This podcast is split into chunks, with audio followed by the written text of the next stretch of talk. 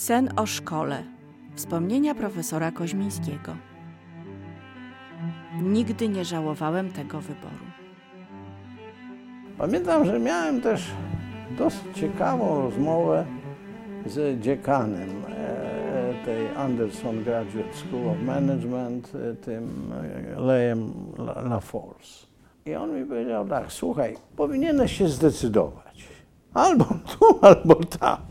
Jeżeli chcesz z nami zostać, to ja ci tutaj powinieneś uzyskać obywatelstwo i funkcjonować i byłoby dobrze. Ale jeżeli, ale tak na pół gwizdka, to, to, to też tak nie bardzo. Także to też był jeden z czynników i w sumie muszę powiedzieć, że ten cały późniejszy okres dostarczył mi masę satysfakcji i nigdy tego, tej decyzji nie żałowałem, ani przez chwilę. That's it. Ja byłem od początku, rektor, byłem od początku rektorem i byłem e, prezesem Międzynarodowej Szkoły Zarządzania. I te, to się nic nie zmieniło. Ja po prostu aktywowałem się bardziej.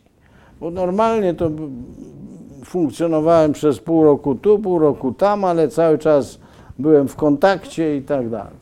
I to był, to był dobry wybór. To był dobry wybór. Dzięki temu udało mi się przyczynić do tego, że ta uczelnia jest tym, czym jest. Bo pamiętam, że ostatni rok, kiedy pracowałem na UCLA, to został oddany nowy budynek, tak zwany Anderson Graduate School of Management. Ja byłem świadkiem takiej sytuacji kilka lat wcześniej.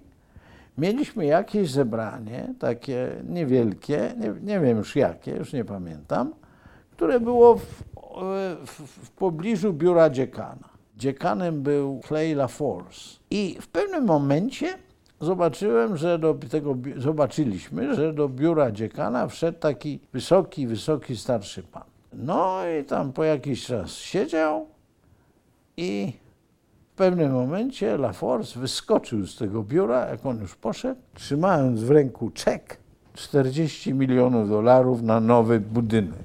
I to było takie, wie pan, ale to nie z tego świata. Nam nikt żadnego czeku nie dał. My jesteśmy zakorzenieni na rynku. Po drugie, jesteśmy uczelnią akademicką, gdzie prowadzi się badania, które muszą ulec weryfikacji na międzynarodowym rynku naukowym. I po trzecie wreszcie, my kształcimy młodzież, która nie da się oszukać, która jest aktywna, sprytna, dobrze poinformowana, obyta w świecie. To samo chciał zrobić Miklaszewski w swoim czasie. I to się częściowo udało.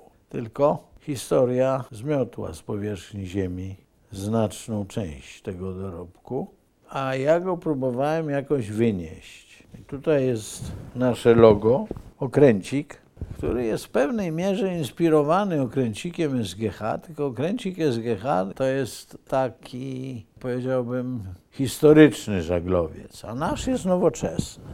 Zalicza się do tych kliperów, najszybszych żaglowców. No i tak to było. On, proszę pana, płynie zawsze na zachód. Moja babcia, która znaczną część życia spędziła do rewolucji, spędziła na Ukrainie, mówiła do mnie tak. Wnuczku, na wschód, nie dalej niż do Otwocka.